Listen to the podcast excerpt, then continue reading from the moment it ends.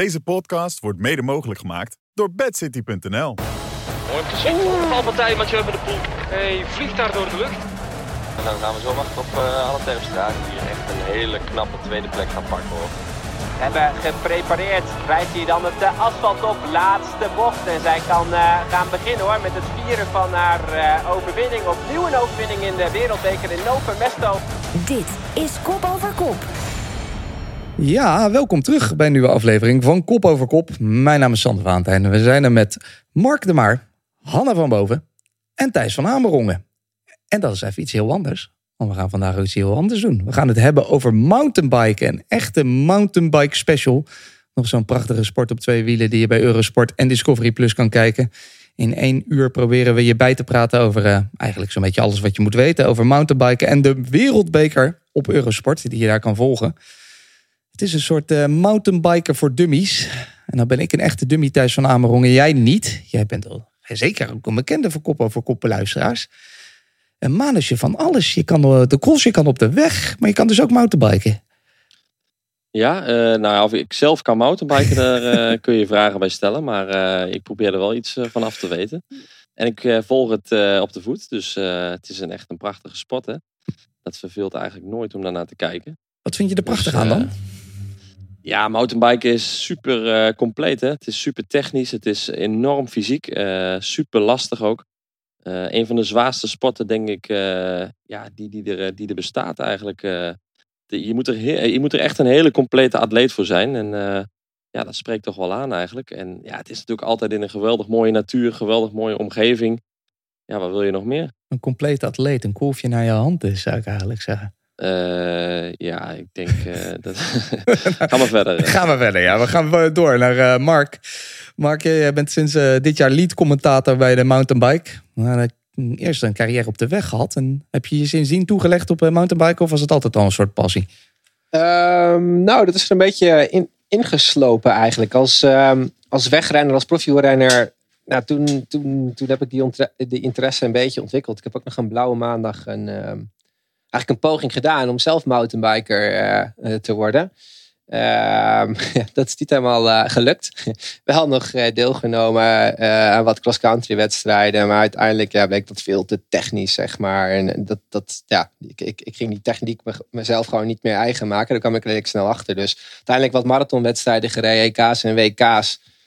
Om, uh, om, vervolgens achter te komen dat ik gewoon te laat was begonnen met uh, mountainbiken. Uh, en toen later is het me toch nog gelukt om een soort van professional te worden in het mountainbiken mm. als niet-commentator. Ja. het is toch nog met je neus in het mountainbiken. Iemand die volgens mij nog wel actief is, is Hanna of niet Hanna? Ja, nou, nog steeds wel op de wegfiets, maar minder op de mountainbike. Maar uh, ja, ik uh, heb altijd met heel veel passie gemountainbiked en ook wereldbekers gereden. En um, ja, nu kijk ik het, uh, bekijk het allemaal van de zijlijn. En voor jou een beetje hetzelfde vraag. Wat vind je eigenlijk zo leuk dan aan dat mountainbiken? Nou, um, ja, wat Thijs ook al zei, ik vind het een hele eerlijke sport. Het is, het is gewoon heel technisch en het is nooit saai om naar te kijken eigenlijk. En de, de top 10 of de top 20 van de dames, uh, ja, dat wisselt gewoon constant. Dus het is gewoon uh, wie er op dat moment het beste is, uh, ja, alles moet samenvallen. Dus hm. dat vind ik gewoon heel mooi aan de mountainbikesport. Over vallen gesproken. Als ik een mooi bruggetje krijg, Thijs van Amerongen, dan weet je dat ik dat altijd meteen met beide handen aangrijp. Dus als ik aan mountainbiken denk, dan heb ik toch, denk ik toch ook vaak hier aan, helaas. Mooi precies. Valpartij, Mathieu van de Poel. Ah ja, ja, ja, ja, ja. Mathieu van de Poel. Ja, hij vliegt daar door de lucht. Ja, ja, het is net niet in beeld geweest, de val zelf. Wat is daar gebeurd? Hij moet even... Oh, nee toch? Nee, nee, nee, nee, nee. Ai, ai, Dat meen je niet. Dat meen je niet. Hij is Van de poel tegen de grond. Hij is helemaal groggy. Waarschijnlijk verkeerd terechtgekomen op die, uh, die landing bij die steen. Wat een drama zeg. Wat gebeurt hier? Wat gebeurt hier, Jeroen van Wellegem? Ik kan het je vertellen. Mathieu van der Poel die miste een plankje in Tokio. Word jij nog wel eens uh, zwetend wakker van dit moment, uh, Thijs? Nou, uh, ik word wel eens zwetend wakker, maar niet van, van dit bankje.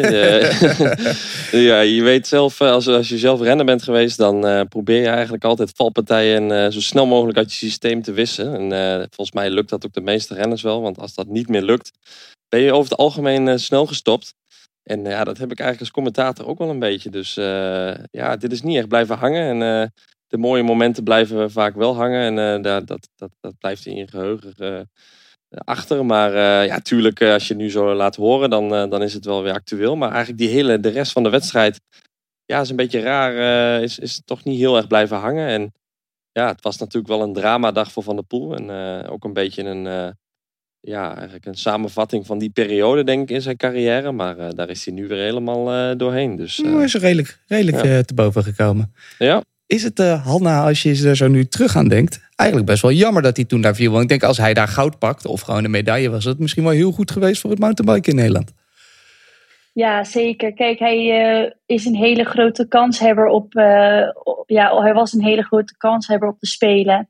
En uh, wat hij laat zien, ja, meteen zo'n val, dat is voor, voor heel Nederland was dat een domper natuurlijk. Ja, ja. Want, want ja, het mountainbiken kwam net echt meer in beeld en dan, dan valt uh, Mathieu. Ja, dat is natuurlijk uh, super zonde om te zien.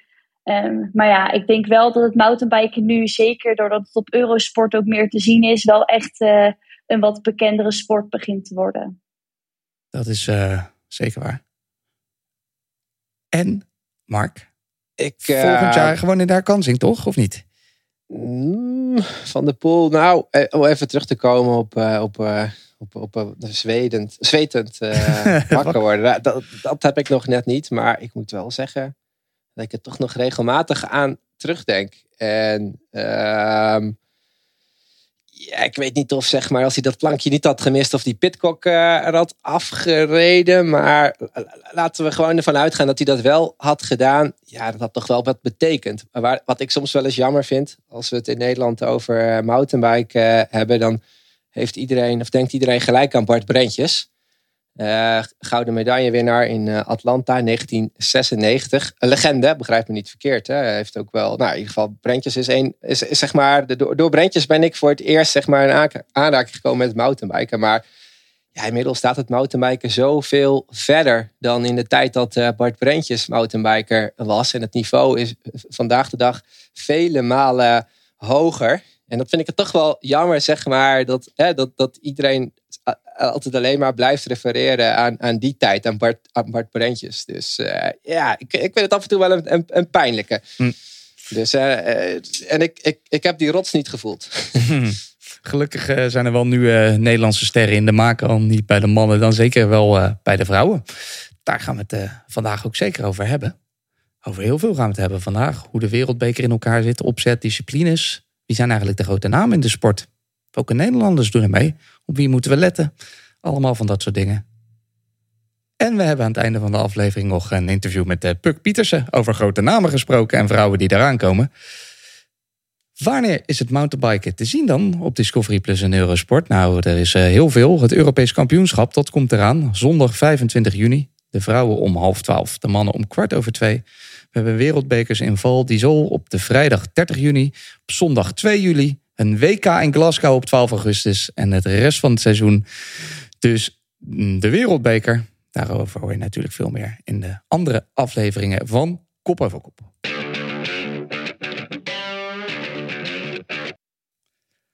Voordat we echt gaan beginnen. Wil je dat nog een keer herhalen? Dan schrijf ik even, even mee. Wat wil je meeschrijven? Ja, dat programma. Je wil, dan weet je tenminste wat je eh, te wachten staat. Ja, precies. dat is wel goed. We gaan eh, het uh, over hebben. Ik ben een echte mountainbike dubby. dan gaan we deze aflevering proberen verandering in te brengen. Maar voordat het zover is, mogen jullie mij in drie minuten in het totaal. Dus iedereen heeft één minuutje uitleggen wat nu echt het aller, aller, aller, aller, allerbelangrijkste is om te weten over mountainbiken. Misschien ook wel een reclamepraatje houden, wat de sport zo mooi maakt. Jij, uh, Thijs, bent wel bekend met dit soort frats. Ik heb, uh, je krijgt een minuutje, wacht even, daar gaan we. En ik zet het klokje aan. Ja hoor, Thijs. Ja, mountainbiken is gewoon uh, een van de meest aansprekende ja, zomersporten eigenlijk. super spectaculair om naar te kijken. Fysiek gericht. ja, men, sporters halen echt het maximale uit zichzelf. En, en dat onder, onder enorme druk dat je ook technisch goed moet kunnen blijven sturen. Je materiaal moet heel blijven. Je moet eigenlijk dat ook allemaal zelf onder controle hebben.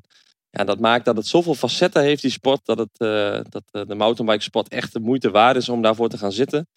En om daar tijd voor vrij te maken. Want ja, het is gewoon, het heeft zoveel meer inzicht dan sommige saaie wielenkoersen waar je in je drie, vier uur naar heidevelden en uh, rechte wegen zitten kijken. Dus ja, als je er eenmaal aan verknocht bent, weet ik zeker dat je het mountainbiken blijft volgen.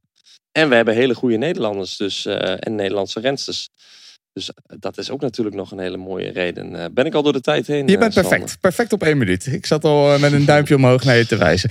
Uh, Hanna. ik, zou, ik, zou, ik, zou, dit ook wat vaker moeten doen. Uh, Thijs had zo, zo, zo, lang van, zo, zo lang van stof in de ja, ja, je moet hem onder druk zetten. Gewoon ja. een minuutje geven. Maar ja. dit, is een, dit is iets wat ik met kop over kop heb uitgevonden. Mensen een speedrondje geven. Opeens kan Bobby Traxel in drie woorden iets uitleggen. Dat is ongelooflijk. dat heb je nog nooit meegemaakt. Hanna... Ja. Mag het ook minder uh, dan een minuut? Het mag ook minder, tuurlijk. Max een minuut. Als jij het in 20 seconden kan, vind ik dat ook helemaal goed. Ik ga wel wacht even, het klokje ook voor jou aanzetten. Komt ie. Overtuig mij maar even. Wat maakt die sport zo mooi? Nou, mountainbiken is eigenlijk een uh, anderhalf uur wedstrijd dat je gewoon all out moet gaan. Het is een rondje vaak van 4 à 5 kilometer met supermooie obstakels en hele mooie klimmen erin. Uh, ja, je wordt fysiek heel erg uitgedaagd om uh, scherp te blijven in de afdalingen, maar eigenlijk maximaal te kunnen afzien in de klimmen. En uh, tussendoor moet je ook nog eens mentaal ja, ertegen kunnen dat je tegenstanders je misschien in gaan halen of dat je een foutje kan maken. Dus ja, het is eigenlijk alles in één. 40 seconden, prachtig. Heel goed gedaan. Dit hoor ik graag. Uh, Mark, dan voor jou ook. 1, 2, 3. Wat moet echt een uh, totale noob, zoals ik, over mountainbiken weten?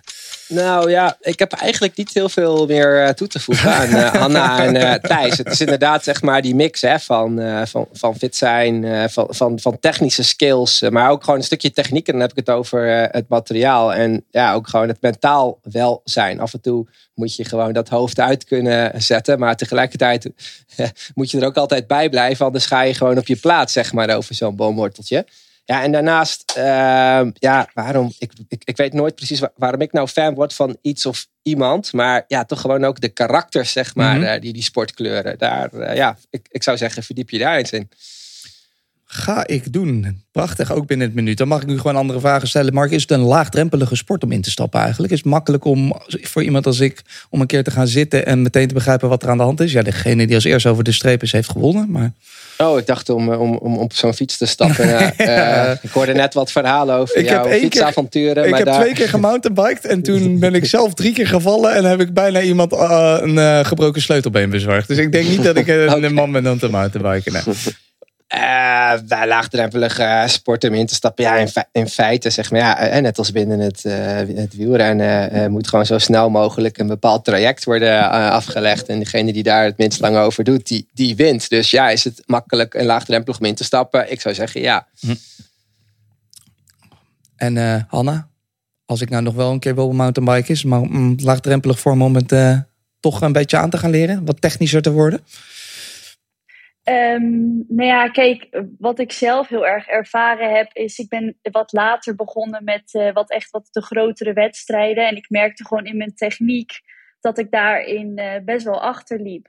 Dus um, ik ging naar uh, Alpstad voor het eerst toen ik 19 was. En ja, dan merk je gewoon dat je in één keer in zo'n bij zo'n technische wedstrijd komt. Dat je wel de durf moet hebben en het knopje moet vinden om om te schakelen en het gewoon te doen. En ja, vaker op oudere leeftijd merk je toch dat de techniek dan wat uh, spannender wordt om te beheersen. Dus uh, ik weet zeker dat je, dat, dat, je het waarschijnlijk wel kan. Maar het is ook wel een stukje durf, vooral uh, met de techniek.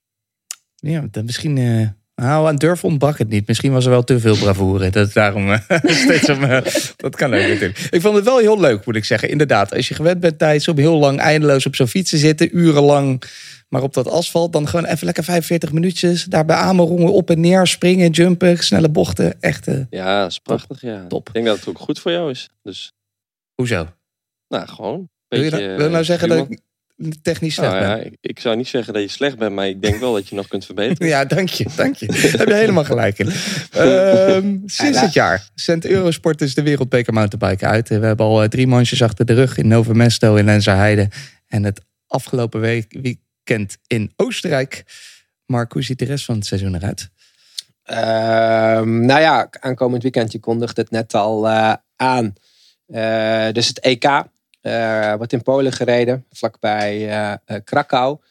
Ehm, er staat alleen een cross-country eh, titel zeg maar, eh, op het spel. Dus geen eh short-track eh, wedstrijd. Ik denk dat Thijs je zo meteen gaat vertellen wat een short-track wedstrijd Heel is. graag, heel graag. Eh, daarna eh, ja, dat, dat gaat het wereldbeker seizoen eigenlijk gewoon weer verder met, eh met Val di Sole. Eh, en daarna volgen er eigenlijk gedurende de zomer nog een aantal wedstrijden. ehm, ja, een beetje van hetzelfde laak en pak. Andorra, Val Noord eh, staat dan op het programma eind eh, augustus. Eh, dan zijn er nog een aantal wedstrijden in Noord-Amerika. eh Snowshoe, Mont Saint Anne in Canada. Tussendoor natuurlijk nog het WK in eh, Glasgow. Dus ja, de, de- maak je borst maar nat. Ja, tot wanneer gaan we door? Totdat de cross ongeveer begint, zoiets? Oktober, begin oktober uit mijn, eh, oké. uit mijn hoofd. Ah, ja. Overlap elkaar aardig. Hè? En, Het overlapt elkaar wel een beetje. ja, een beetje wel. Maar dat is Wel- voor, voor jou geen probleem natuurlijk. Crossseizoen eh, begint iets later dit jaar, Hm. dus het komt goed uit. Over de cross gesproken. Dat is vaak eh, toch een beetje lastig. We hebben het daar vaak over Thijs in onze uitzendingen. Om het, eh, ja, hè, we willen die cross internationaler maken. Daarvoor wordt van alles gedaan. Het is toch eigenlijk vooral België en Nederland. In, eh, voor de MTB is dat volgens mij wel anders. Ja, zeker. mountainbiken is een hele mondiale sport. En eh, ja, kijk, crossfietsen worden er eigenlijk alleen maar in België en Nederland verkocht. Mountainbikes worden over heel de wereld verkocht. Dat zegt genoeg. En er zijn echt enorm veel wedstrijden. Niet alleen cross-country wedstrijden, wedstrijden, ook marathons, ook short tracks. ja, noem het eigenlijk allemaal maar op. Er, er zijn zoveel verschillende disciplines nu ook in de mountainbike gekomen. En eh, ja, dat is eigenlijk over de hele wereld. Dus het is echt een rondreizend circus. Wat al die wereldbekers afgaat. En eh, ja, dat is ook wel een factor die eh, behoorlijk meespeelt in de mountainbike. Ze rijden eigenlijk niet superveel wedstrijden in een jaar. En dat heeft vooral met het reizen te maken. Want eh, ze moeten nog alles op pad. Eh, maar dat maakt het ook wel weer eh, uniek. En dat maakt ook wel dat je hele wisselende sponsoren ook ziet. Hè? Je, je ziet gewoon heel veel fietsenmerken dan wel eh, die natuurlijk sponsoren. Maar eh, ook dat je gewoon eh, uit alle windstreken gewoon eh, ja, sponsoring ziet Mhm. loskomen. Omdat ja, als je een wereldbeker hebt in Mont Saint Anne in Canada of in Amerika, zeg maar, dan, dan is dat voor die sponsoren daar ook weer interessant. Dus het is echt wel een hele grote sport. Veel groter dan wij in Nederland weten, eigenlijk. En dat we doorhebben, omdat wij natuurlijk zo plat zijn als een dubbeltje. hier Hm, eh, ons land. En eh, ja, dat, dat draagt er ook aan bij dat mensen hier denken dat ze aan mountainbiken zijn. Maar ja, Hanna zal het kunnen beamen, maar eh, een wereldbekerparcours zeg maar, is heel wat anders dan een rondje Amerongen. Ja, en, dat, dat, dat, daar kan ik me helemaal echt bij neerleggen. Maar het is, het is ook echt bizar wat voor energie er hangt als je naar zo'n wereldbeker gaat. Ga maar eens bij een, een klim staan waar Ni- Nino Shooter omhoog rijdt of, of eh, ja, de top van de dames. Dan, je hebt gewoon geen oren meer over, want die sporten die leven zo erg in die wereldbekers. En dat is echt, ja, echt gewoon niet normaal. Met kettingzagen staan ze langs Hmm. de kant geluid te maken. En eh, het is echt eh, een hele happening. Hmm. Ja. Is er ook een bepaald land waarbij, waar, net als België, het eh, eh, veldrijden echt heel groot is? Is er een land waarin eh mountainbiken echt, je zegt, ja, dat land daar staat mountainbiken echt eh, heel hoog? Ja, Zwitserland, eh, denk ik. Ja. Eh, Ja, ja. Frankrijk. Je ziet dat niet gelijk terug, zeg maar, aan bijvoorbeeld eh, het aantal eh, wedstrijden dat daar wordt verreden. Maar wel bijvoorbeeld qua, qua niveau wat er uit die landen eh, komt. Ehm, ja, het, ook natuurlijk, het maakt nogal verschil of je, of je eh, in Nederland eh, eh, wordt geboren en je leert op je 16e mountainbiken op de Utrechtse heuvelrug. Of je wordt ergens in de Pyreneeën of in de Zwitserse Alpen geboren. Met een fiets bijna, zeg maar. En, je, en je, kunt zo'n trail naar beneden voordat je kunt lopen. Dus dat betreft trouwens ook super knap van de Nederlanders. Die toch eigenlijk hè, met veel minder eh, eh, eh, faciliteiten zich dus toch op een of andere manier. eh, en pas op latere leeftijd die techniek eigen hebben gemaakt. Ik bedoel, Anne Terpstra, Milan vader zijn notabene geboren in Zeeland. Niet echt... Klopt, maar heel, heel veel van die sporters hebben ook al heel veel eh, ja, eh, eraan, opge ja, eraan gedaan om echt aan die techniek te werken. Want Milan die is ook naar Waterslee gegaan, die is in eh, Limburg gaan wonen. En eh, die heeft echt geprobeerd om daar zoveel mogelijk van de techniek al mee te krijgen. En je moet ook bedenken dat, ja, dat die jongens en meiden ook gewoon vanaf het begin van het seizoen eigenlijk alleen maar in het buitenland al, al zijn ook. Omdat ze gewoon de techniek daar ook vandaan moeten halen. Eh, je zei het net al even, Hanna. Die parcoursen, er zijn hier veel, eh, veel beleving. In ieder geval zijn er ook, zeg maar, net als je dat eh, bij het veldrijden hebt... en natuurlijk ook bij het wielrennen... een paar van die parcoursen die echte klassiekers zijn in het mountainbiken. Ja, kijk, goh, in, Ne- in Nederland heb je wel de, de bepaalde wedstrijden die je gaat afwerken om echt in te komen. Zoals Beringen ook wel echt een wedstrijd waar, waar ik eh, ook eh, ieder jaar heen ging. En eh, in Eupen. En dat zijn ook wel echt de wat zwaardere parcours om echt ja, je techniek op te doen. En vooral wat kracht te krijgen. Maar mijn eerste wereldbeker die ik ooit reed was in Alpstad. En dat was wel echt een hele ervaring voor mij om dat mee te maken. Hebben, jullie ook favoriete parcoursen om naar te kijken eigenlijk, Thijs? Is er iets waarvan je zegt, nou, als ik die wedstrijd doe... Ja, ik zit even na te denken eigenlijk. eh. ja, ik vind het mooiste natuurlijk wel parcoursen met natuurlijke hindernissen. Zoals afgelopen weekend de Leogang was, was gewoon heel mooi. Eh, misschien mag het gedeelte in, in, eh, op de skihelling, zeg maar, mag ietsje minder wel. Maar ja, op zich, die combinatie is ook wel leuk, hè? Dat, dat je ook de kans hebt om in te halen en zo. Maar ja, dat, dat spreekt mij het meeste aan. Natuurlijk, als het allemaal is aangelegd, dat vind ik dan wat minder. Ik hou er ook wel van dat de sport, zeg maar, een beetje bij zijn natuur blijft. Dus we hadden het straks al over in de tijd van Brentjes eh racen met 26 inch. eh, soms zelfs nog met een vaste vork reden ze gewoon parcoursen van 6, 7 kilometer. Soms wel 8, 9 kilometer. Ja, reden ze gewoon 2,5 uur soms, hè. Mountainbike wedstrijden. Waren ze gewoon eh, nou, een half uur lang niet te zien. En kwamen ze weer het bos uit en dan wist je wie er op kop lag. Dus ja, dat was dan echt het natuurlijke. Hè. Er waren misschien gewoon paden die, waar ze gewoon een paar linten op hingen. En nou, dat is het parcours. Nu eh, hebben ze eigenlijk het hele extreme, een beetje een gedeelte downhill verwerkt in de cross country. Wat, echt, wat het heel interessant maakt en ook gewoon veel interessanter om naar te kijken voor het brede publiek. Maar voor mij hoeft, ja, mij persoonlijk hoeft het ook niet gekker te worden dan wat het nu is. Ik vind eigenlijk dat ja, de meeste recreanten min of meer, als ze goed zijn, technisch, eh, zo'n parcours zouden moeten kunnen rijden. Dan blijven mensen ook een beetje affiniteit houden, denk ik, met die sport van eh ah, super mooi, maar is wel heel zwaar en ik zou het misschien net kunnen, weet je, dat het een be- beetje zo, dat zou ik zelf het mooiste vinden.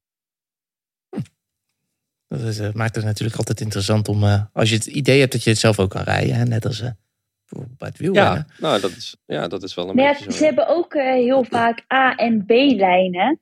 En ehm, Ja. In, ja, tenminste in Nederland was dat wel vaak ook echt wat, wat meer, of in Nederland en België. En dan had je nog de keuze van oké, of ik doe de B-lijn en dan doe je echt eh, een stuk langer parcours afleggen. Dan dus, de, ja, dan dus de gevaarlijke afdaling, dat is dan de A-lijn. En eh, daarin kon er wel dan gekozen worden van oké, durf ik van de A-lijn af, ja of nee? Of ga ik de B-lijn, maar dat kost wel meer tijd. En dat heb je ook wel eens in eh, wereldbekers gehad. En ehm, ik weet niet of dat nu nog steeds zo is, maar ik weet wel nog dat in Val di Sol had je wel echt heel duidelijk een A- en een B-lijn voor als je het niet durfde, zeg maar. Ja, dit weekend ook nog, hè, in eh Leogang. Chicken run. Ja, er zit één stukje Ja. in. De A-lijn en de chicken run heb je. Ah, ja. Nou ja, ik, ik, en Thijs, zeg maar, ik ben de afgelopen jaren bij een paar wereldbekerwedstrijden aanwezig geweest. Maar ja, op tv, al die, die atleten, die, die, die, als je ziet hè, hoe soepel zowel bij de mannen als de vrouwen ze naar beneden rijden op die verschrikkelijk lastige eh, eh, afdalingen. Bijvoorbeeld, hè, daardoor lijkt het bijna makkelijk, maar ja, ik denk dat de gemiddelde recreant eh, toch met zijn, met zijn staart naar naar, naar- met zijn staart tussen de benen naar beneden rijdt. Of gewoon ervoor kiest om, om te, gaan, te gaan lopen. Ja, dat denk ik ook wel. Ja. Maar ja, het is meer in de zin van, het hoeft niet extremer dan wat het nu is te worden in mijn ogen, zeg maar. Ja, ja. Eh, dus ja. Hè, als je vraagt naar wat zijn dan echt mooie parcoursen, dan vind ik het mooi dat als er een afdaling in zit, dat het gewoon door, een, door de natuur is ontstaan en dat je daar naar beneden rijdt. hè, want er is downhill, er is fourcross, er zijn allerlei andere sporten. En, ja, dat, dat, maar goed, dat zie je nu ook wel gebeuren. Hè. Het is, ja, wat, je nu, wat ik wel interessant vind. Uh, ik vond eigenlijk tot, voor kort de parcoursen met de minste hoogtemeters het, uh, het, het meest spectaculair om naar te kijken. Omdat, dat, omdat je daar over het algemeen veel spannende wedstrijden uh, zag. Waar het echt tot, het laatste, tot de laatste meters en toe spannend bleef. dan moet ik denken aan Alpstad, waar een, een Victor Koretsky vorig jaar of twee jaar geleden shooter bijvoorbeeld klopte. Nova Mesto is ook zo'n parcours. Uh, snowshoe. Um, nou, waar, waar, gewoon heel lang de super spannend bleef. En dan die parcoursen zoals Leogang, al afgelopen weekend is daar dus verandering in gekomen. Het is het parcours denk ik met, uh, met de meeste hoogtemeters. Um, in het verleden zag je daar veel grotere uh, verschillen. Maar ook ja, afgelopen weekend uh, was het zowel bij de mannen als de vrouwen eigenlijk ook gewoon tot de laatste ronde super spannend. Dus het is wat aan het veranderen. Maar eigenlijk, hè, de, de, die wedstrijdspanning die neemt alleen maar toe. Maar gewoon doordat het niveau in de breedte steeds hoger wordt. Dus dat is wel een interessante ontwikkeling. Een wereldbekerweekend. We gaan het er even over hebben. Want hoe ziet dat er eigenlijk uit? Iemand zoals ik of een andere luisteraar weet dat misschien niet eens. Het zou, zou zomaar kunnen, Thijs. Je weet het niet. Dus uh, we beginnen op de vrijdagavond met de short track. Thijs, uh, wat houdt dat nou in? Ja, de short, short is eigenlijk een uh, verkorte versie van de cross-country wedstrijd op, op, op zondag.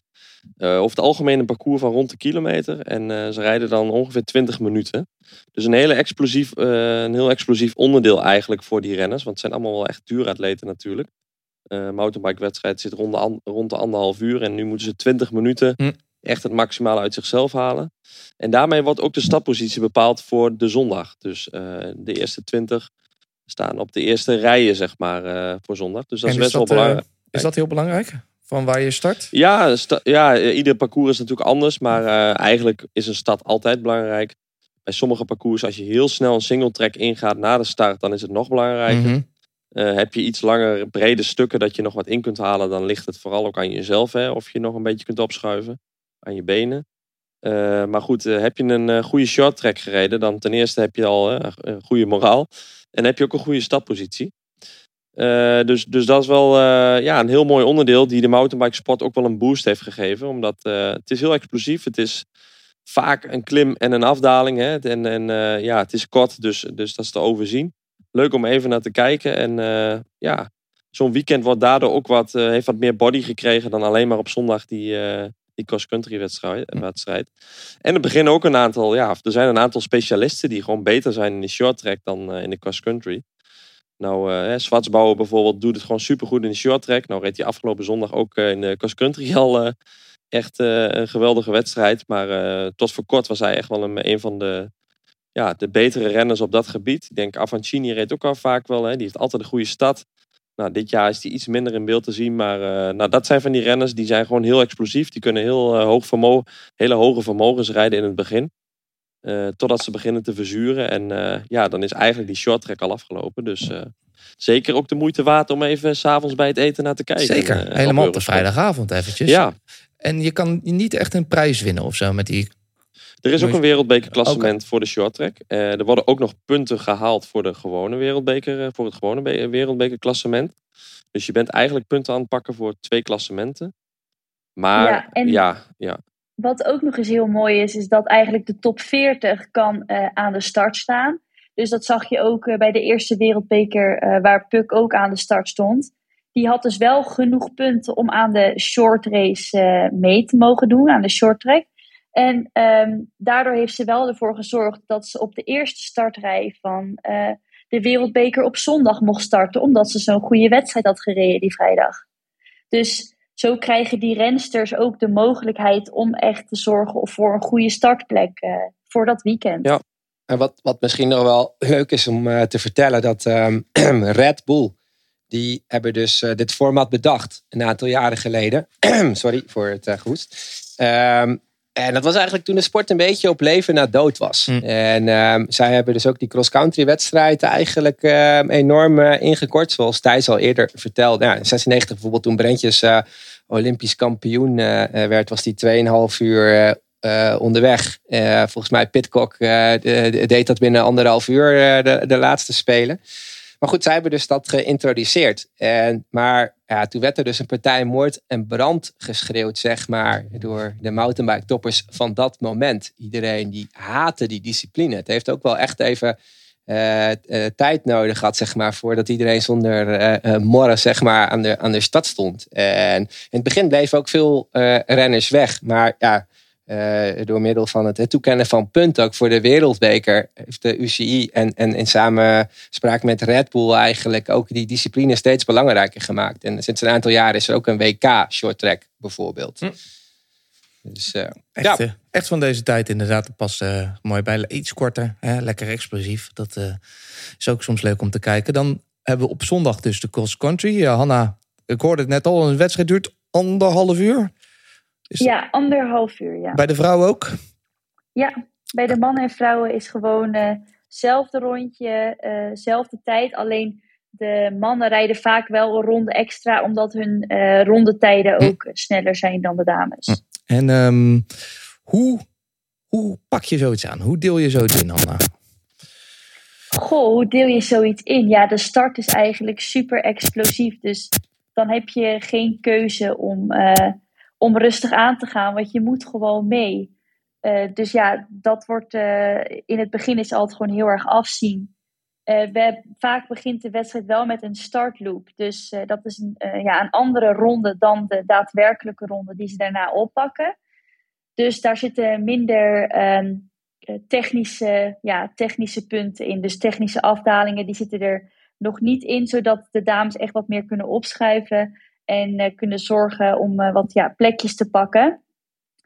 En uh, ja, je weet ook wel als je in één keer 80 meiden het parcours opstuurt en meteen een rockgarden af laat gaan, dat gaat gewoon niet werken, want mm -hmm. iedereen wil eraf. Dus ja. En ja, het is daarna eigenlijk gewoon je ritme zoeken op te klimmen en zorgen dat je elke technische passage heel afkomt. Dat je je lijnen rijdt die je ook verkend hebt dat, ja, die week en dat, dat je het dan zo goed af kan werken. Wat, uh, Thijs, is nou belangrijk? Zeg maar? Want je kan natuurlijk technisch heel goed zijn. Je kan heel veel wattages hebben. Je kan een lang uithoudingsvermogen hebben. Waar, uh, ga nou nu niet tegen me zeggen, je moet het allemaal een beetje kunnen. ja. Ja, je, ja, je, ik, ik, eh, ik, val stil, want je moet het allemaal je hebben. Je moet het allemaal kunnen. Zijn, ja, er, de, de, de echte, zijn er mensen die ergens in uitblinken en het daar heel ver mee komen? Ja, natuurlijk. Er zijn wel, hè, als je echt gaat, uh, je gaat verdiepen in de renners en de wedstrijden gaat analyseren, dan zijn er wel renners die bijvoorbeeld en rensters die echt technisch beter zijn dan gemiddeld. Dan, dan, die allemaal heel goed zijn, maar er zijn er wel een paar die zijn, steken daar weer net iets bovenuit. En dan zijn er een aantal die het echt van hun vermogen moeten hebben. Dus die bergop gewoon uh, ja, net een tandje harder kunnen klimmen. En die in de afdalingen iets minder uh, fanatiek dalen. Uh, afgelopen weekend bij de mannen dan was Chink denk ik wel een goed voorbeeld. André Chink, die is technisch gewoon goed. die rijdt ons er allemaal af, falikant in die afdalingen. Alleen ten opzichte van de toppers zeg maar, om hem heen is hij technisch net iets minder. Maar ja, die jongen die kan gewoon heel hard bergop rijden. Uh, op een enorm verzet. En ja, dus dat is zijn kracht, zeg maar. En dat is ook wel het mooie om te zien van uh, dat al die renners zo hun eigen karaktereigenschappen hebben. En, en uh, bijvoorbeeld een Flukiger, heel fanatiek baasje. Die is echt zo scherp altijd. En die, dat is echt zo'n vroeter, die, die zet zich ertussen. En die, die haalt ook heel veel uit zijn mentale kracht, volgens mij. Kan enorm afzien. En blijft technisch dan ook nog goed.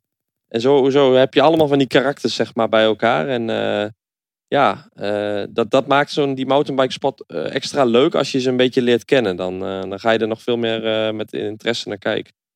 Ja, ik denk wat. Ehm, je, je, hebt inderdaad al die ingrediënten nodig om een goede mountainbiker te zijn. Maar misschien wel het belangrijkste ingrediënt is zeg maar het herstellend vermogen. Uh, ook als je naar zo'n gemiddeld parcours kijkt in de, in de wereldbeker, dan op zo'n rondje van een paar kilometer rijden ze soms wel, wel 30 uh, uh, intervalletjes, zeg maar, van, van 30 seconden, 40 seconden volle bak. En tussendoor is er eigenlijk niet of nauwelijks ruimte om te herstellen. Maar dat kleine beetje ruimte dat er is, ja, daarin moet je, moeten ze dus zorgen dat ze een beetje kunnen herstellen. Dus uh, mm. ja, Vlukje trouwens uh, niet alleen gewoon heel goed uh, bergop, technisch zeer begaafd. Maar ik denk dat ook uh, een enorm goed herstellend vermogen heeft. Ja. Ja, dat kan niet anders. Hè? Als je ziet hoe hij, hoe diep hij soms gaat. En dan, ja, dan denk je, ja, dat is zijn laatste strohalm. En daarna gaat hij gewoon weer opnieuw. Dus, uh, en dat, ik, ik heb wel echt veel respect voor mountainbikers hoor. Want het is echt, het is echt een bizar zware sport als je het zelf doet. Ja, de melkzuur spuit echt uit je oren. en dan moet je ook nog technisch goed blijven rijden. En, en dat maakt het zo moeilijk. Onmogelijk. We, we, maken wel eens ja, het is echt. We maken wel eens de vergelijking met veldrijden. Maar ik vind veldrijden in die zin veel makkelijker. Het is veel explosiever. Het is veel meer op, op de macht. Na anderhalf uur, zeg maar, dan heb je geen macht meer. Dan komt het echt mm -hmm. uh, uit je tenen. Ja, dat vind ik, dat, dat maakt het mountainbiken wel echt, uh, echt mega zwaar. Maar goed, het kan ook zijn dat ik dat allemaal heb onthouden van het mountainbiken wat ik gedaan heb. Ah, dus dat uh, intervaltrainingje Thijs dat ik gedaan heb voor deze opname naar Katwijk, dat is ja. helemaal van pas. Helemaal van pas. Ja. Hanna, wat, wat, wat, wat, was jouw, of is jouw sterke punt? Of ben je te bescheiden om dat te zeggen? Goh, um, nou mijn sterke, ik was wat minder qua klimmen. Ik moet je eerlijk zeggen dat ik uh, daarin ook best wel wat groter was dan sommige andere meiden. Ik ben 1,75 en ik stond echt naast meiden aan de start. Die waren echt 1,50. En uh, super licht gewichtje is dat ik, ja, dat, dat daar in die klommen zo snel omhoog, dat, dat kon ik gewoon echt niet. Um, ik vond mezelf technisch wel echt uh, ja, heel sterk. En ik durfde ook altijd wel echt veel qua afdalingen en uh, maar bij mij was dat soms mentaal het lastige punt. Dat ik dan van tevoren dacht van, oh, ik weet niet of ik het wel kan. En dan deed ik het. En dan reed ik het daarna zes keer. En dan dacht ik, oh, wat was dit het? Hm. Terwijl het eigenlijk echt wel gewoon spannend was. Maar ja, ik denk wel dat dat mijn sterke uh, punt was in het mountainbiken. Bedankt, uh, heren en dames, voor deze vliegensvlugge cursus. We begonnen vliegensvlugmarkt, dus laten we ook vliegensvlug eindigen met dit stukje dan. Als ik nou uh, volgende week, uh, na volgende wereldbeker ga ik ervoor zitten. Waar zeg je als leek, probeer daar echt uh, even op te letten. Oef, um, nou ja, de, de, de, de, scherpe analyses van Hanna en, ja, en Thijs. Dat is, dat is heel mooi, ja, tuurlijk. Ah, de scherpe analyses van Thijs, daar let ik eigenlijk altijd wel op. Is het, uh, is het lastiger voor je, Thijs, om dit te doen vergeleken met uh, mountainbiken? Uh, ja, nou ja, veldrijden is natuurlijk wel een beetje een eitje voor mij. Maar omdat je het zo lang hebt gedaan. Maar mountainbiken heb ik gedaan. Ik heb ook veel marathons gereden en zo, maar net hm. iets minder dan. ik heb nooit wereldbekers gereden. Dus daar, hm. dan, daar ben ik ook. ja, ik, daarom zeg ik ook, ik heb daar echt respect voor. Want het is echt een heel, heel hoog niveau. En het is echt uniek wat die mannen laten zien. En uh, er wordt soms als makkelijk overheen gegaan, uh, ook uh, vanuit andere disciplines. Dat ze er wat makkelijk naar kijken. Maar ja, het is echt wel heel knap wat zij doen. Dus ja. En wat, wat, wat, ook wel interessant gaat worden, is natuurlijk die Olympische Spelen van volgend jaar. Nou, daar gaan we het zo ook zeker over hebben. Want we gaan verder met een beetje over de Nederlanders hebben en over de favorieten. Het seizoen is dus al een flitsend van start gegaan. En één vrouw valt daar uh, in het bijzonder op. We hebben geprepareerd. Rijdt hij dan het uh, asfalt op. Laatste bocht. En zij kan uh, gaan beginnen hoor. Met het vieren van haar overwinning. Opnieuw een overwinning in de wereldbeker. In Nova Mesto was zij al de beste. Doet dat vandaag even opnieuw. Van het begin tot het einde gedomineerd. Echt een hele indrukwekkende overwinning voor deze 21-jarige Nederlandse uit Amersfoort. Puk Pieters, 21 jaar jong en uh, heel goed bezig. Hanna, hoe verklaar jij haar uh, vliegende start eigenlijk? Nou, wat ze vorig jaar eh, bij de belofte al liet zien in de wereldbekers was ook al super, super knap. En ik denk dat het echt een combinatie is van, uh, van jaren waarin ze al heel hard heeft gewerkt, ook om, om hier naartoe te werken. En um, Vorig jaar reed ze ook al ronde tijden die uh, in de top 10 thuis hoorden bij de elite dames. Dus ik denk dat het niet helemaal uh, soort van onbekend is dat ze al zo goed rijdt. Maar uh, dat ze de eerste wereldbeker wint, dat is wel echt voor iedereen ja, wel een verrassing, denk ik. Hm. En dan fan van Empel, dat is normaal in het veld een grote concurrent, Mark. Maar op de MTB zijn ze niet helemaal hetzelfde aan elkaar gewaagd. Waar heeft dat mee te maken, denk je? Ja, ik denk dat het nog iets te vroeg is om, uh, om harde conclusies, te, trekken. Uh, te, te, trekken. En uh, ja, Pieters heeft wel echt een, een, een, een vliegende start. En ehm, ja, het niveau, ik zei het al eerder, in de breedte is echt zo hoog. Het is ook echt een, een, een behoorlijk, zeker in, in vergelijking met veldrijden, natuurlijk een internationaal deelnemersveld. Als je dan bijvoorbeeld uh, Pietersen vergelijkt met, uh, met Terpstra, ook gewoon echt een absolute uh, wereldtopper. Maar die heeft er in feite jaren over gedaan om op dit niveau te komen. Pietersen die komt even meedoen en ja, die pakt gelijk, die eist gelijk die eerste overwinning op. Ehm, ik denk dat. En misschien heeft Puk ook wel een goede voorbeeld hè, van Anne. Zeker. maar ja, ik denk dat Van Empel misschien gewoon even wat, wat, wat langer nodig heeft. Ja, in alle eerlijkheid, ik heb haar op de mountainbike nog weinig echt in beeld uh, uh, gezien. Uh, maar wat ik wel zo links en rechts hoor in de wandelgangen, is dat ze het bijvoorbeeld wel een beetje moet afleggen tegen, tegen Puk als het aankomt op techniek, bijvoorbeeld. En ja, dat is toch wel, wel erg belangrijk. Dus, maar goed, dat is natuurlijk iets wat ze zich nog wel eigen kan maken. Dus ook zo heel veel mountainbike ervaring heeft ze nou ook weer niet. Maar ik, ik denk dat, we over, dat, dat je over een jaar deze vraag nog eens uh, moet stellen. Nou, maar misschien ga ik dat gewoon doen over een jaar. Dan kunnen zullen we kijken of het dan uh, een prachtige tweestrijd is. We hebben dan, uh, haar naam viel net ook al even, Anne Terpstra. En die doet het ook hartstikke goed. Ja, en dan gaan we zo wachten op Anne Terpstra. Die hier echt een hele knappe tweede plek gaat pakken hoor. Mooie, mooie opsteken voor haar. Ook met het oog op die kwalificatie voor de Olympische Spelen. Die kun je maar alvast weer binnen hebben, deze plek. Heel goed bezig. Heel goed bezig, Thijs. Dat ben jij altijd. En uh, Anne Terpstra ook. Hanna zei het net al eigenlijk. Van, misschien kijken ze wel een beetje naar elkaar. Trekken ze ook zich aan elkaar op. Maar waarom is ook hier het niveau zo hoog bij de Nederlandse vrouwen? Ja, ik denk dat uh, Anne Terpstra en Anne Taube natuurlijk al jaren bezig zijn om dat niveau zo hoog uh, te leggen. En uh, dat Puk Pietersen erbij komt nu. en ja, er zijn waarschijnlijk twee plekken voor de Olympische Spelen. Wat voor hun natuurlijk wel een van de grootste doelen is. En ja, Terpstra die wil zich daar zeker niet natuurlijk aan de kant laten zetten. En ja, heeft dat ook gewoon in zich om daar naartoe te gaan. Dus ja, dan, dan zijn dat soort uitslagen natuurlijk wel, uh, wel gekomen. Want ook al zouden er uh, bij wijze van spreken drie of vier zich geplaatst hebben, dan wordt het een keuze van de bondscoach als er twee naartoe mogen. Dus, uh, ja. voor, de, voor de luisteraars die dat niet helemaal scherp hebben, maar Terpstra, die, die zou normaliter de wereldbeker gaan winnen, het eindklassement vorig jaar. Maar um, ja, ik kreeg af te rekenen met een, uh, een, wat was het ook alweer thuis, een blessure uh, of een ontsteking aan haar, uh, aan haar gebit of zo. Ja. En, um, echt, ja. timing kon gewoon niet, niet slechter. Um, ja, ze had eigenlijk bijna niet anders kunnen doen dan, dan, dan die eindoverwinning pakken. Maar ja, met een ontsteking toch nog van start gegaan. Maar ja, reed daar een beetje kansloos in de ronde. Dus zo ontglipt daar die eindoverwinning echt gewoon op het allerlaatste moment. Had daar geschiedenis ja. kunnen schrijven.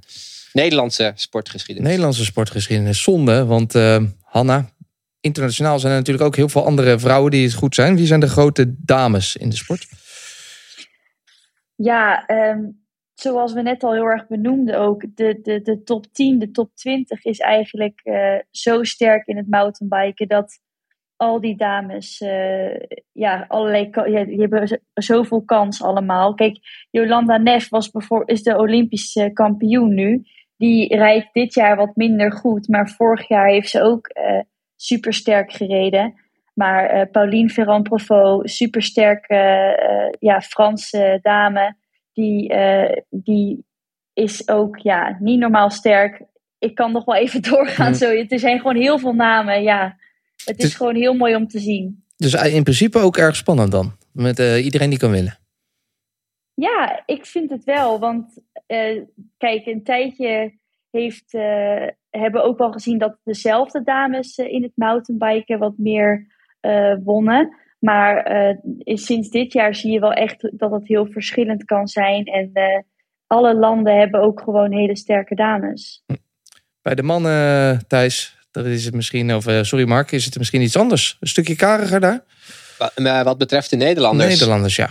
Uh, nou ja, ja, Van der Poel. Maar hebben we helaas uh, al even niet meer in actie gezien op uh, mountainbike. Hij, hij, zou deel gaan nemen aan die wereldbeker in Valkenburg, die uiteindelijk dus werd gecanceld. En toen vond hij het eigenlijk ook niet de moeite om, om Nove Mesto te rijden.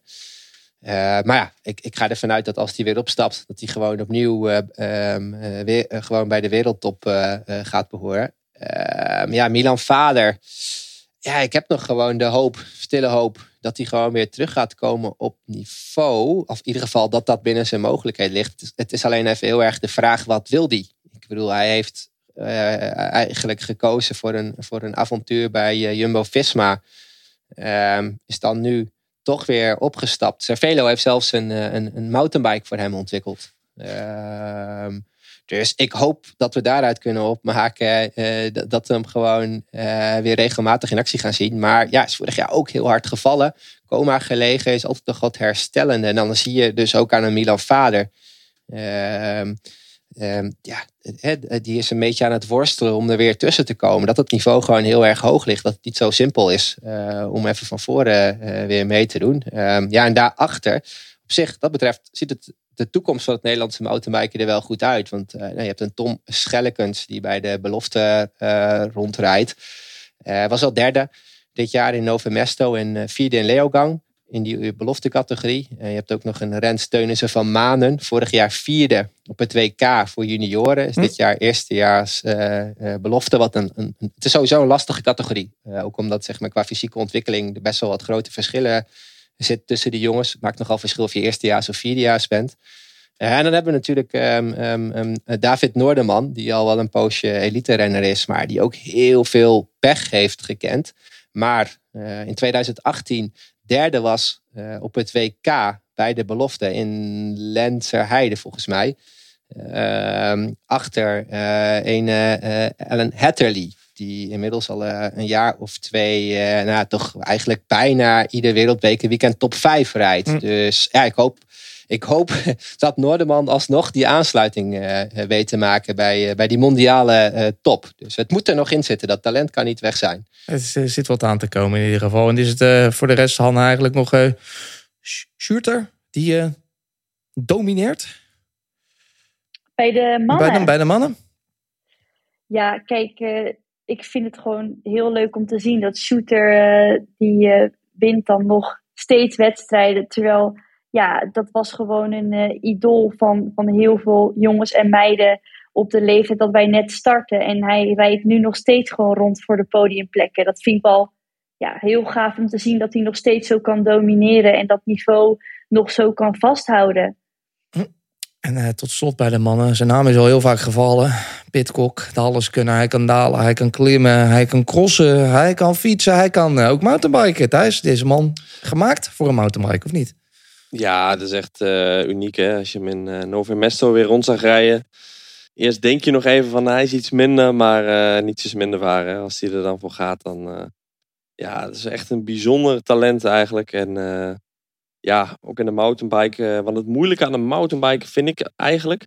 Kijk, als je er helemaal in zit en uh, je bent continu op die fiets aan het rijden en je bent helemaal één met die fiets, dan, dan gaat het steeds beter. Dan word je alsmaar beter en dan ga je technisch ga je meer risico's durven nemen. Iedereen kent wel, hè, als je in Oostenrijk een afdaling doet, de eerste dagen is het allemaal best wel stil. En denk ik, oh, moet ik dat nou wel doen? En na een week uh, knal je naar beneden, zeg maar. Waar je die eerste dagen toch best, best wel angst voor had. En bij hem is het net alsof, ja, geef hem die fiets. Hij heeft uh, de Tour gereden of noem het maar op. Hij heeft gewoon zes, zeven weken lang niet op die fiets gezeten. Hij pakt hem en hij rijdt gelijk weer rond alsof dat ding gewoon helemaal bij hem past, zeg maar. dat is eigenlijk het knappe wat hij kan. Dat hij zo snel kan wisselen.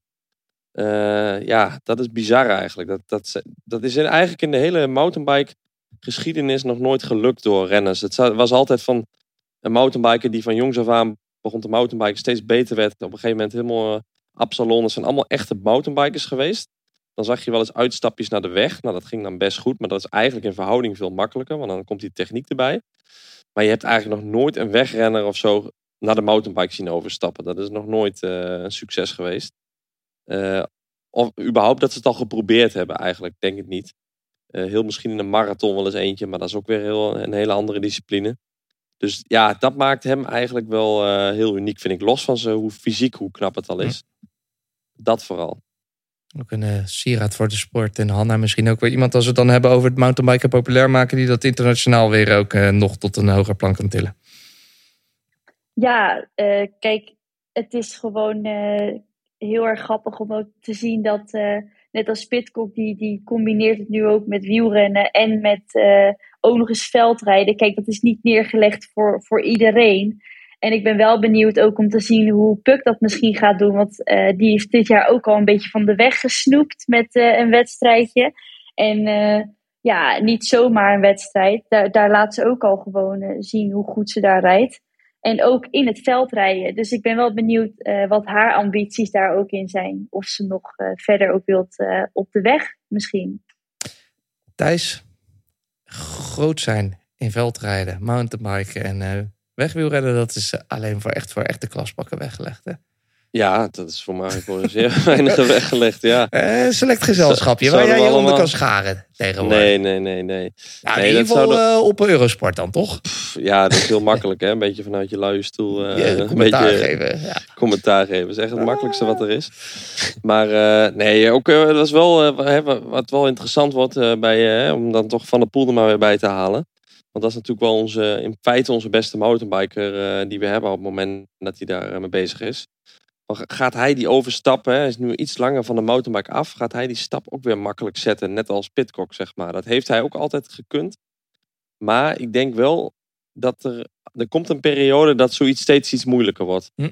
Dus als je echt uh, hele wegseizoenen uh, gaat rijden en dan vervolgens die mountainbike net iets te weinig aanraakt, dan ben ik benieuwd hè, of dat dan ook eh, bij hem zo makkelijk gaat. Of dat hij ook een keer denkt van oei, viel me toch wel even tegen weer uh, op die andere fiets, zeg maar. Dus, we gaan het uh, zien op een WK. Daar gaan we het zo ook even over hebben. Voordat we het daar echt over kunnen hebben, gaan we het ook even de Olympische Spelen. Thijs, er is heel veel te doen over die kwalificatie. Jij gaat ons nu, moet ik een klokje aanzetten, in één minuut uitleggen hoe het Nee, zit? doe maar niet, Wacht even, wacht Twee minuten, twee Dus, minuten. eh, Kijk. Het is echt een heel complex eh, verhaal, maar het komt erop neer dat er nu op dit moment bij de mannen niemand geplaatst is. Dus dat er op dit moment niemand naar de Olympische Spelen kan gaan. Bij de vrouwen wel eh, twee. Want daar staan we vijfde of zesde in de, in de UCI-stand van de landen. Eh, je hebt twee standen. Je hebt de UCI-ranking en je hebt de Olympische UCI-ranking. En de Olympische UCI-ranking die is bepalend dus voor de Olympische Spelen. Want dat betekent dat de eerste drie renners van die landen tellen. Dus het kan zijn dat daar verschil in zit. Dus als mensen gaan kijken naar die ranking, let even op, je moet de Olympische ranking hebben. Hm. Dat zijn dus de drie beste sporters, eh, renners van dat land die tellen. Eh, daar staan we nu 25ste of 24ste, ik weet het niet exact. Maar we moeten eigenlijk bij de eerste 19 staan om één plek te hebben. Staan we bij de eerste 9, dan hebben we twee plekken. Nou, dat gaat sowieso helemaal niet meer lukken.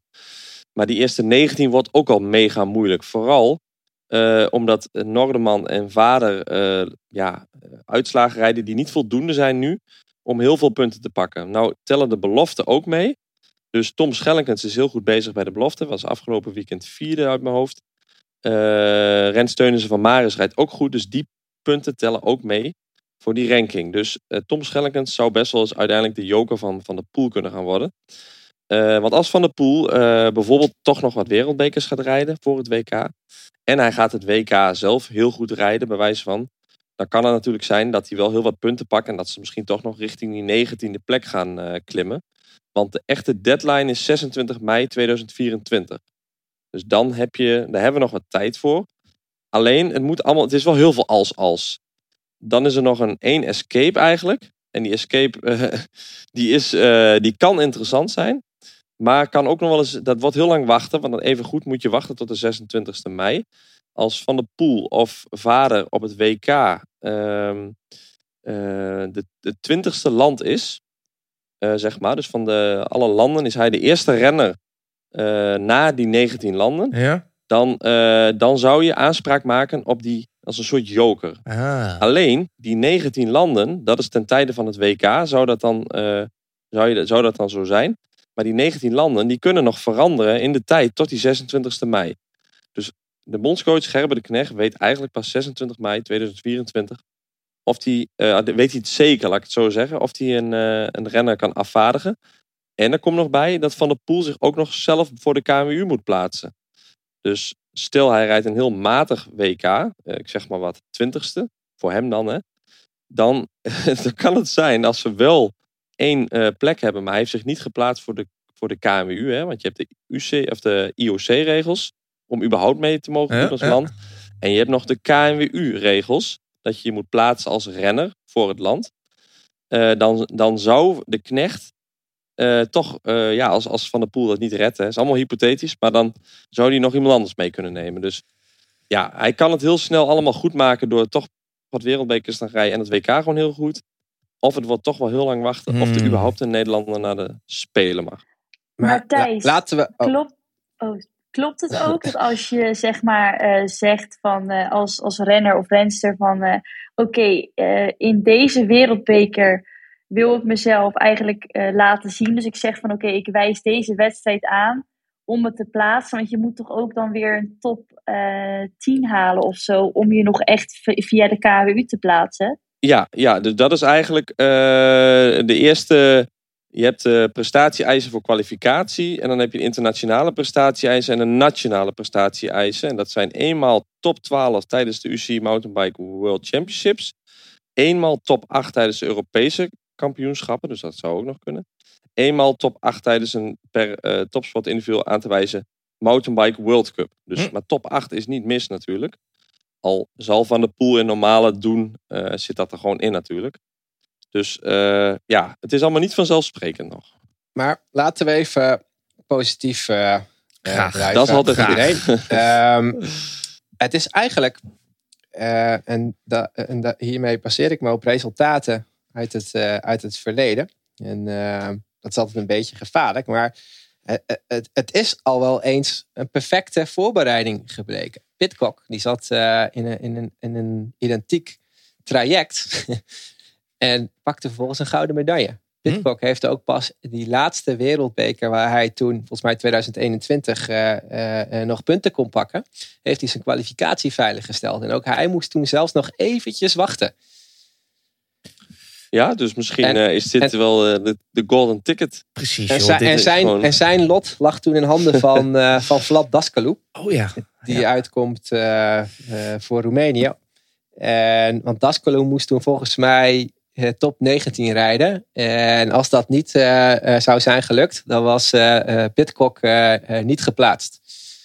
Het is eh, ingewikkelde materie, maar ik vind Mark's eh, aanpak het leukst. Gewoon, gewoon Ja. hopen dat het gaat. eh Ja. wordt, wordt, gewoon positief. Gaan we het Ja. bekijken. En eh, Nee, dan wordt het een prachtig sportverhaal in 2024. Ja. Hanna, bij de vrouwen is het eh, daar. eh, ik ga niet zeggen simpeler, want ik durf ik bijna niet te vragen. Maar wel iets voor de hand liggender misschien dat er eh, een paar afgewaardigden zijn. Ja, ik denk eh, sowieso nu eh Puk natuurlijk, wat ze laat zien, eh, die, die wil gewoon voor de Spelen gaan en zich kwalificeren. Ehm, daarbij Anne Terpstra natuurlijk ook. Anne Tauber, die wil zich ook heel graag plaatsen, maar moet dan toch nog wel echt even een paar schepjes erbovenop leggen om echt daarvoor in aanraking te komen. Ehm, we hebben ook nog wat dames die ietsjes verder in het veld rijden. Maar Sophie van Berswoord, die heeft vorig jaar even een wat lastiger jaar gehad. Maar eh, die brak in Alpstad haar sleutelbeen. En eh, die is daarvan teruggekomen. En eh, vervolgens bleek ze in Lensje Heide volgens mij haar andere sleutelbeen. Maar rijdt toch weer nu mooi in de top 30 afgelopen wereldbeker. Dus ehm, ja, die dames maken ook allemaal stapjes. Dus ik vind het toch nog wel leuk om te zien eh, dat nog niet alles bepalend is. Hmm. Dan eh, tot slot hierover een laatste vraag. Stel dat er zometeen Mark één plekje vrij is eh, voor de mannen. En eh, Van der Poel krijgt hij dan gewoon? Zijn dan andere mountainbikers die het hele jaar door, jarenlang door mountainbiken niet een beetje boos? Van ja, ik, Nou ja, ja dit zou kunnen gebeuren. Ehm, ik kan me zo voorstellen als eh, Milan Vader eh, eh, straks weer zijn normale niveau weet te behalen. En hij was eigenlijk altijd wel een, een, een, vaste kandidaat, zeg maar, in de top 10. Ja, dat, dat, ja dat, dat hij dan boos en gefrustreerd gaat zijn. Dat niet terecht zou vinden.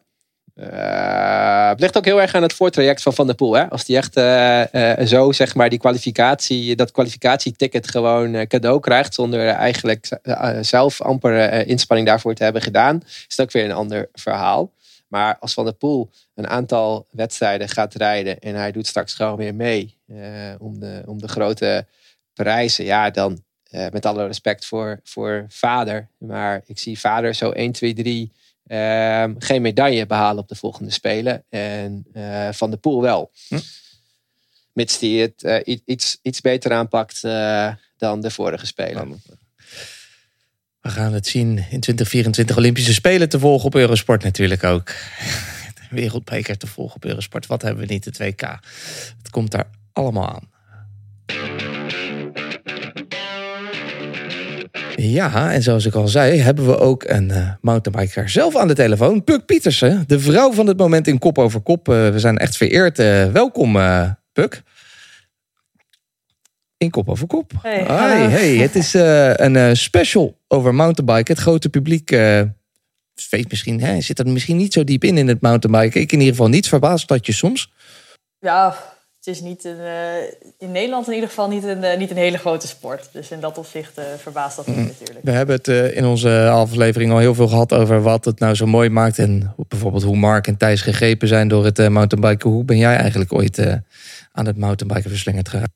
Mountainbiken via mijn vader. Die, uh, die was er als een van de eerste bij. Toen het uh, in ieder geval een beetje volgens mij in Nederland uh, populair werd. Dus die kwam ieder weekend thuis met een vies moddergezicht. Mm. En dat wilde ik ook graag. Dus toen heeft hij me meegenomen het bos in. En, en was dat meteen liefde op het eerste gezicht of zo? Ja, ja, ja wel. Zeker. Ik ben daarna vrij snel wedstrijden gaan rijden. En ja, toen ging alles heel snel eigenlijk nooit, uh, nooit meer gestopt. Ik denk nu sinds 2011, 12 dat ik uh, echt wedstrijden rijd. Mm Dus echt al wel uh, een tijdje. En je bent natuurlijk ook bekend van het, het crossen. Het, allebei echt technische sporten op de fiets. Welke is nou voor, voor volgens jou het technisch, waar word je technisch het beste van? Andere manier technisch is het, denk ik. Op de crosser is het technisch, omdat je op best wel dunne banden natuurlijk en in de modder grip aan het zoeken bent. Maar dat is op een andere manier technisch dan dat mountainbiken is echt ja, hard durven ook afdalen. En ja, er zijn zoveel verschillende lijnen en, en dingen, maar echt veel heftigere obstakels natuurlijk. ik denk dat veel mountainbikers, als ze gaan crossen, het ook technisch moeilijk zullen, moeilijk zullen hebben, zeg maar. Omdat de cross zo, zo specifiek is. En, en hoe, heb je, hoe snel heb je die techniek uh, eigen weten te maken? Je, je komt uit uh, Amersfoort, dus je zult uh, zijn begonnen met mountainbiken op de Utrechtse Heuvelrug. Nou, dat is nogal een verschil als je dat vergelijkt met uh, een wereldbekerparcours uit Novo Mesto of uit Leogang afgelopen weekend. Ja, ja, nee, dat klopt. Ja, in het begin was het vooral leren bij de wedstrijden, zeg maar. Ik ging dan ja, Nederlandse wedstrijden was niet uh, super technisch. Nu is dat volgens mij wel meer uh, voor de jeugd met uh, bikepark, bikeparken die er tegenwoordig allemaal zijn. maar bij mij eigenlijk vanaf de nieuwelingen dan kon ik naar België en ja, een beetje de Three Nations Cup is dat dan rijden. En dan ja, Beringen weet ik nog heel goed. Ik heb daar denk ik een half uur bovenaan een drop-off gestaan. Want ja, ik had dat nog nooit, nog nooit gereden. Uh, dus ja, aan het begin was het echt oefenen bij de wedstrijden. En nu, uh, ja, daarna ben ik vrij snel bij, uh, in Apeldoorn, bij Barend, terechtgekomen. En die hebben echt wel veel erin kunnen betekenen. Die hebben echt daar een heel, heel bikepark gebouwd, zeg maar. En, en is, het dan, is het dan dus, hè, um, um, klopt dat? Dat ik dat nu uit je verhaal filter gewoon durf, gewoon doen, zeg maar. Ik bedoel, wat, wat, wat deed je uiteindelijk besluiten om dan gewoon die drop-off naar beneden te, te knallen, te rijden? Of, of ben je blijven staan? Hm. Ja, gewoon. Nee, ik heb wel gedaan. Ik heb wel gedaan, zeker. Ja, gewoon doen uiteindelijk. Ja, vertrouwen op je eigen kunnen. En uh, iedereen reed daar natuurlijk naar beneden. Dus en die, ja, het is gemaakt om, uh, om vanaf te rijden. Dus daar een beetje vertrouwen in hebben ook. Maar ja, het is, uh, ik denk dat het wel makkelijker is als dat je dat vanaf de jeugd dat ik dan het voordeel heb gehad een beetje mee kan nemen. Dan zoals nu, ja, nu kijk je daar niet meer, uh, niet echt meer naar op, zeg maar. Tenzij het echt wel uh, een extreme drop is. Maar uh, nu, nu vlieg je daar zo vanaf. Hm. Je hebt ook inmiddels twee wereldbekers binnen. Heeft dat jezelf eigenlijk een beetje verbaasd dat het eh, zo snel zo goed gaat? Ja, ja, nou, ik had wel verwacht dat het goed zou gaan. Vorig jaar bij de belofte, dan kan je wel een beetje je rondetijden vergelijken met die van de elites. Ook al rij je dan een eh, ronde minder. En dan reek ik zo een beetje de rondetijden rond plek 10. Eh, en ik wist nu wel dat ik nu weer een stap had kunnen zetten. Maar ik had niet verwacht dat dat dan voldoende zou zijn om echt te winnen, zeg hm. maar. Ik dacht, ik zou, ja, ik zou wel mee, graag mee willen spelen. Het doel was dan top 8. Maar ja, in dat opzicht mezelf wel verbaasd, zeker. We hebben het net gehad over wat nou belangrijk is voor een mountainbiker. Thijs van Amerongen die zei... het is heel belangrijk dat je goed kan herstellen. Is dat ook volgens jou een van je grote krachten, snel kunnen herstellen? Ja, ik denk het wel. Ik denk wel dat het heel belangrijk is. Je moet echt wel je, je punten uitzoeken, zeg maar. En inderdaad, zoals van het weekend, dat is dan, uh, was best wel veel klimmen. Uh, vier minuten eigenlijk volle bak rijden. En dan heb je een korte afdaling waarin je inderdaad je herstel moet pakken om daarna weer die, die hele klim op te pakken. Uh, dus dat is zeker wel een kunst. En sommigen zijn daar heel goed in om in de afdaling uit te rusten. dus dat is zeker wel ja, snel lactaat een beetje af kunnen voeren, zeg maar. En wat voor, je, je hebt gewonnen in, um, in Novo Mesto. Um, weer een heel ander parcours dan afgelopen weekend in Leogang. Maar bijvoorbeeld uh, tussendoor uh, reden jullie in uh, Heide. Wat ook een parcours is met toch wel de nodige hoogtemeters. Waar het ook echt op inhoud aankomt. Maar toch kwam je daar weer net iets te kort. Terwijl ja, je was afgelopen weekend gewoon echt ver weg de beste. Ik bedoel, wat, wat, wat, wat is dan het parcours wat jou het beste ligt? Of is het nog te vroeg zeg maar om, om, om te zeggen wat je het beste ligt? Ja, ik, ik, heb nog niet... Uh, tenminste, ondertussen heb ik de meeste wereldweek parcours wel één keer gereden. Uh, in ieder geval.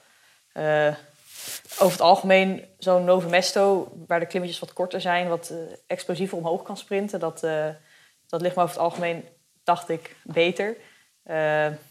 Ik denk dat Lenzerheide de afgelopen week, heb ik daar bijvoorbeeld op de, op de wortels, ja, dat is eigenlijk alleen maar wortels daar. Als je daar net wat minder lekker overheen rolt, net wat minder snelheid zeker de snelheid waarmee erin komt is heel belangrijk. En bij mij ligt die uh, nog wat lager dan bij de, ja, bij de buitenlandse dames, die dat natuurlijk in hun achtertuin hebben. Uh, dus daar heb ik toen wel mee, veel mee verloren. En aan het begin kon ik dat dan nog wel goed maken op de klimmetjes bijvoorbeeld. Maar op een gegeven moment lukte dat niet meer.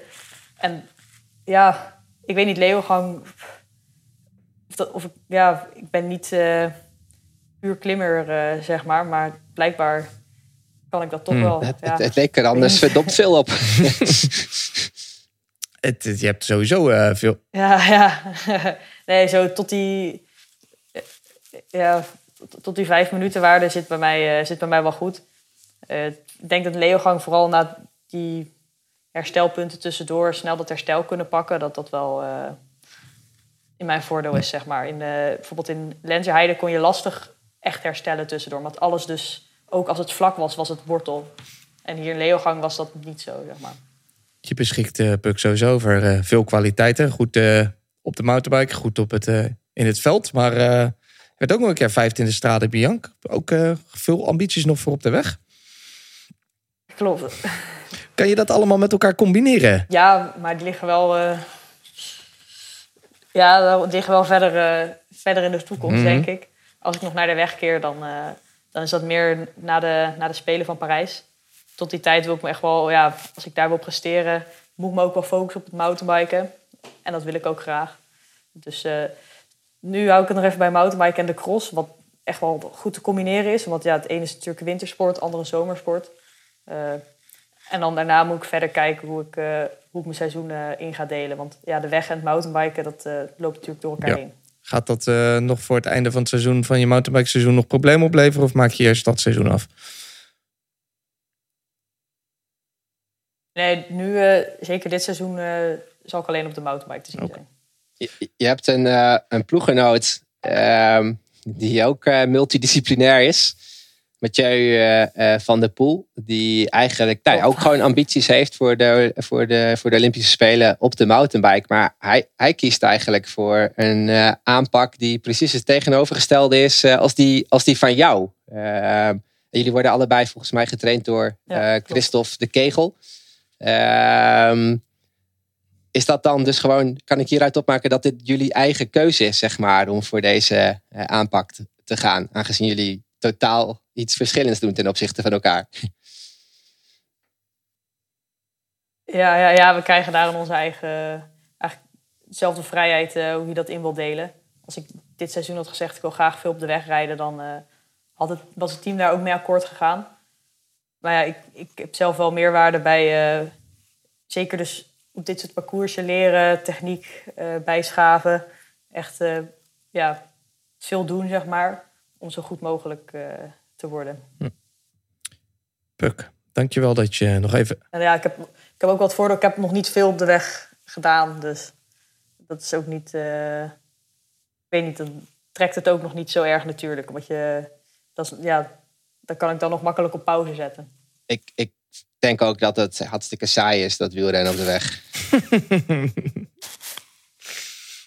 nou, het eindeloze rechtdoorrijden, daar heeft eigenlijk niemand zin in. Uh, daar ging eigenlijk uh, onze hele aflevering over. Waarom dat mountainbiken zo leuk was. Ik heb dan ook als uh, laatste vraag aan jou. Waarom moeten meer mensen überhaupt gaan mountainbiken en mountainbiken kijken? Ik denk ja, voor de afwisseling. Hm? Zeg maar, zeker zelf mountainbiken. Tegenwoordig liggen er zoveel mooie parcoursen in het bos. Het is eigenlijk, ja, iedereen is nu fan van de gravel. Maar het mountainbiken maakt het eigenlijk nog... Uh, is de funfactor nog hoger, zeg maar. Echt uh, veel spelen. Spelen. Spelen op de fiets, daar hebben we allemaal zin in. Uh, ik hoop dat jij het komende seizoen ook nog veel kan spelen. Zowel nu eerst op de mountainbike en dan later op je crossfiets. Bedankt dat je even tijd wilde nemen om bij ons aan te sluiten. Ja, geen probleem. Jullie ook bedankt.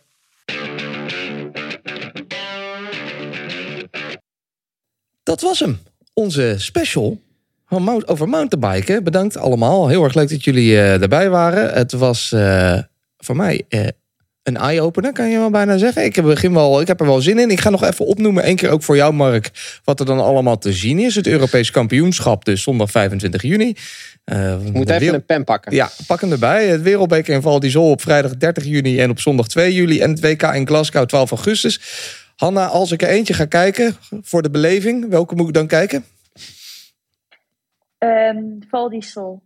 En als ik er eentje wil kijken voor het echte niveau, Mark, welke moet ik er dan mee pakken?